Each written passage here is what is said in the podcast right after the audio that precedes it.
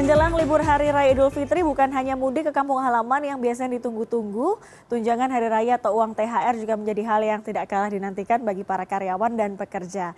Namun, ada hal yang perlu diketahui jika dana THR sudah cair, yakni bagaimana cara mengelola dana THR tersebut. Hal ini penting dilakukan agar dana THR tidak cepat habis dan kita kalap ya saat berbelanja. Untuk membahasnya sudah bergabung melalui sambungan virtual, ada perencana keuangan Prita Hapsari Gosi. Saya akan sapa, selamat pagi Mbak Prita, apa kabar? Selamat pagi Mbak Dea, kabarnya baik. Baik ya, Mbak Prita ini uh, sepertinya sebagian besar uh, karyawan atau pekerja ini sudah bisa uh, tersenyum begitu ya karena THR-nya sudah cair.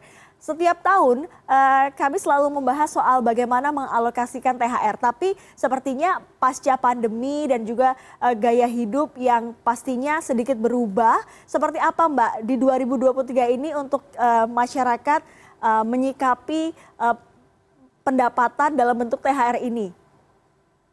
Baik, jadi betul bahwa ada perubahan uh, dalam pola pengeluaran dibandingkan dengan tiga tahun silam. Ada sebuah um, polling yang menunjukkan bahwa masyarakat di Indonesia itu hampir semuanya menyatakan akan melakukan pengeluaran lebih besar dibandingkan tahun lalu. Hal ini juga mungkin disebabkan karena dibukanya batasan-batasan yang sebelumnya ada, sehingga kita pun akhirnya mulai shifting nih dalam mengalokasikan THR kita. Nah, kalau sebelumnya, Mbak, itu kebanyakan orang masih bisa menabung, kemudian mungkin karena situasi kehidupan juga dia banyak mengumpulkan dana darurat. Kalau sekarang jadi berbeda. Banyak sekali yang mengalokasikan THR-nya itu memang digunakan untuk betul-betul kebutuhan lebaran dan juga mudik. Sehingga kalau ditanya persentase terbesar yang mereka gunakan dari THR untuk apa, memang digunakan untuk belanja THR untuk orang lain lagi atau bagi-bagi angpau, lalu di, untuk mudik dan juga untuk makanan terutama uh, karena banyaknya undangan atau silaturahmi untuk buka bersama. Jadi karena gajinya nggak cukup, akhirnya mengambil dari THR juga. Hmm, tapi kalau idealnya, ini meskipun setiap orang punya uh, idealnya masing-masing ya atau relatif, mbak. Idealnya THR itu apakah boleh langsung habis atau memang ada uh, sekian persen yang disimpan untuk tabungan atau bagaimana? Ya, saya usulkan pembagian alokasi THR dengan prioritas sebagai berikut.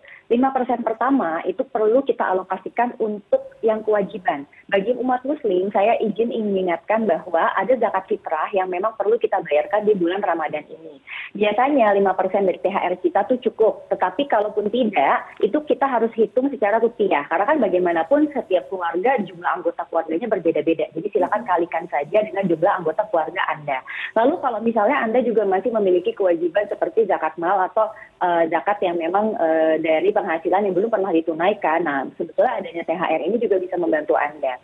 Nah, kemudian kita bisa menggunakan 50 persennya maksimal untuk kebutuhan lebaran. Nah, kalau kata-kata saya maksimal artinya Anda tidak perlu sampai di push 50 persen. Tapi pun kalau dipakai 50 persen tidak apa-apa.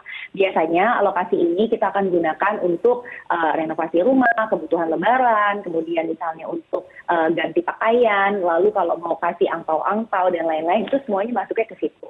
Nah, saya juga ingin mengingatkan 10% dari THR mohon dialokasikan untuk dana darurat karena biasanya hal ini akan bisa membantu kita kalau terjadi hal-hal yang tak terduga sepanjang momen Ramadan dan Lebaran.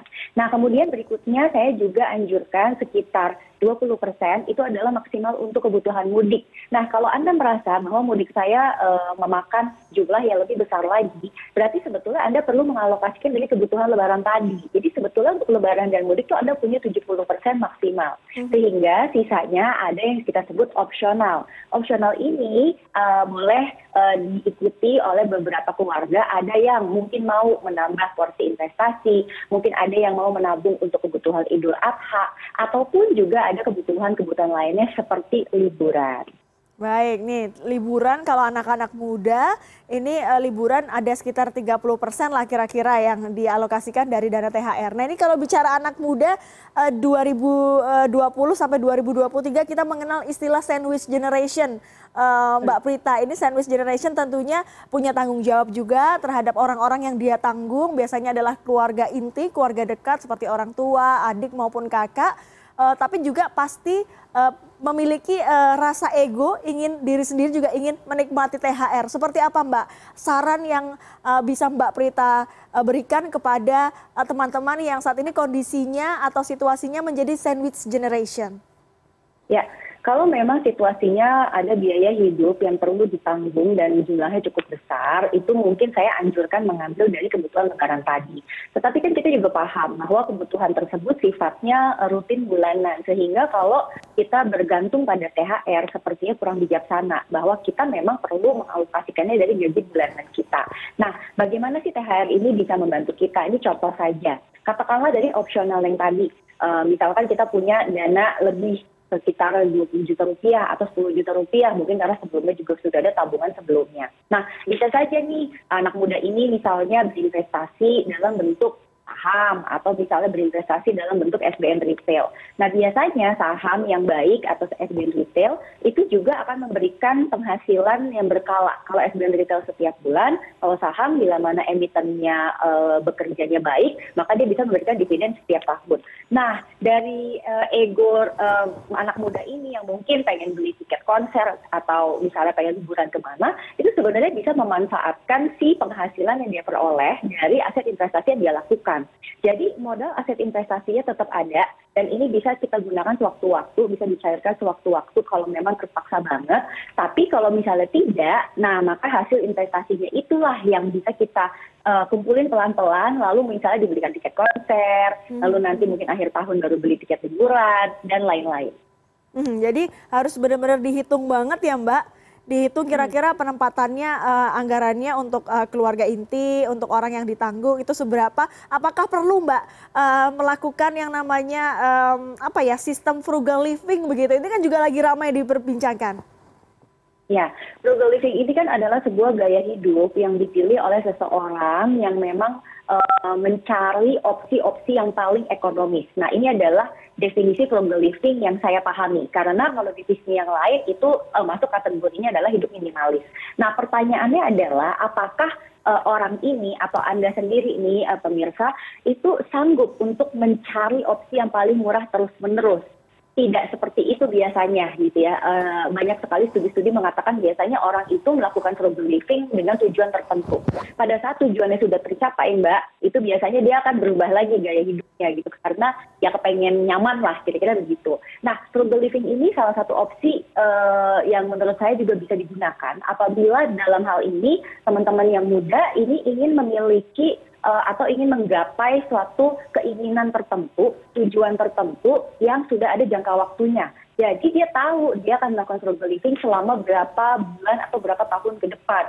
Setelah targetnya tercapai, baru di situ nanti dia akan merubah lagi gaya hidupnya. Kira-kira seperti itu. Hmm, karena kan kita tahu juga frugal living ini banyak uh, dilakukan oleh anak-anak yang usianya muda ketika mendapatkan uh, gaji pertama kali, THR pertama kali. Ini kan tahun pertama misalnya di 2023 dapat gaji uh, atau THR pertama kali. Artinya itu frugal living bisa menjadi salah satu opsi ya Mbak jika ingin mendapatkan mungkin uh, tujuan tertentu misalnya uh, berinvestasi atau seperti apa.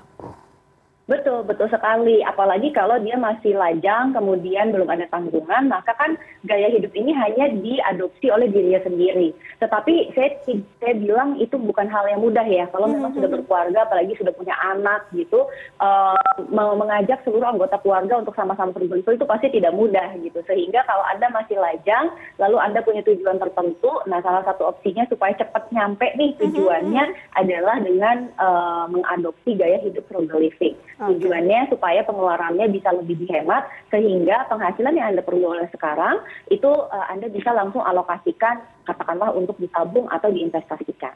Hmm, baik itu. Salah satu yang menjadi uh, apa ya menjadi jalan keluar ini salah satunya adalah frugal living tentunya ada beberapa cara lain ya untuk menghemat. Uh, Mbak Prita kalau bicara investasi dari THR ini wajib tidak untuk berinvestasi? Dan bentuk investasinya apa Mbak? Oke, kalau bahasanya wajib tentu saja jawabannya tidak. Tetapi kalau bahasanya adalah apakah ini merupakan sarana yang sangat baik untuk bisa berinvestasi, jawabannya iya. Karena THR ini adalah penghasilan yang secara kontrak kerja itu biasanya diperoleh nih oleh para karyawan, tetapi hanya diperoleh satu tahun sekali. Sehingga kalau ada rezeki yang seperti ini, itu sangat bagus untuk membantu kita menambah porsi investasi. Itu sebab tadi dalam alokasi THR yang cukup ideal, saya alokasikan sekitar 20%. Ini di bagian akhir tadi ya yang opsional itu uh, yang bisa Anda gunakan salah satunya adalah untuk berinvestasi. Nah, investasinya ini saran saya itu memang harus ada tujuannya Mbak Dia. Hmm. Dengan harapan dia memilih aset investasi yang sesuai dan cocok dengan kebutuhannya masing-masing. Karena pertanyaan berikutnya biasanya adalah investasi apa yang terbaik. Nah, investasi yang terbaik itu perlu disesuaikan dengan profil risiko dan tujuan keuangan masing-masing. Jadi benar-benar sangat bergantung ya dengan siapa yang ingin berinvestasi. Um, Mbak Prita, tapi saya juga agak sulit ini di tahun 2023 ini sulit menghindari uh, nafsu belanja karena memang diskonnya, cashbacknya ampun-ampunan Mbak Prita. Seperti apa ya, Mbak untuk bisa mengendalikan diri ini loh Mbak kadang-kadang ya. kadang-kadang pengen berinvestasi tapi ketika diskonnya ketika diklik begitu luar biasa. Jadi sudah sudah jarang ke mall tapi belanja online-nya konsumtif banget Mbak Prita.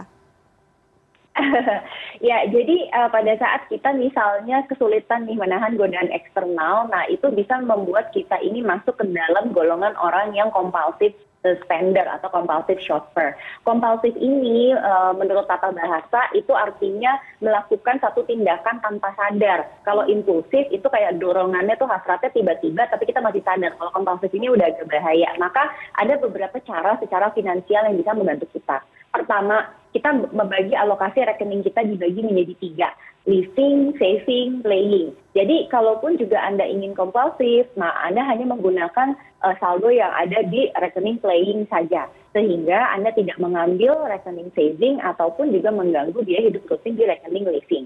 Lalu berikutnya adalah coba untuk uh, mempraktekkan uh, jeda sebelum Anda membeli segala sesuatu. Jadi uh, boleh aja sih masukin ke keranjang dulu, tetapi sebelum check out coba ambil jeda dulu, tungguin satu hari, dua hari, apakah Anda masih menginginkannya atau Anda lupa.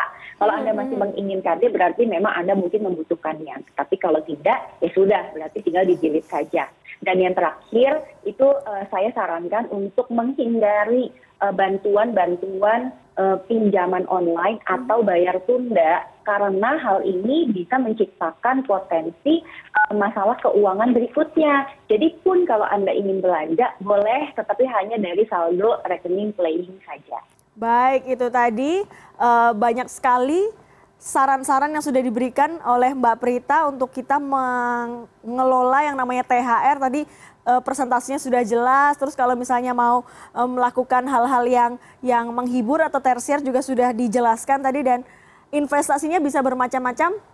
Terserah dengan orang uh, seperti apa cocoknya itu sangat sangat sangat sangat personal ya. Terima kasih Mbak Prita sudah bergabung bersama CNN Indonesia Bisnis dan Referensi. Sehat selalu Mbak.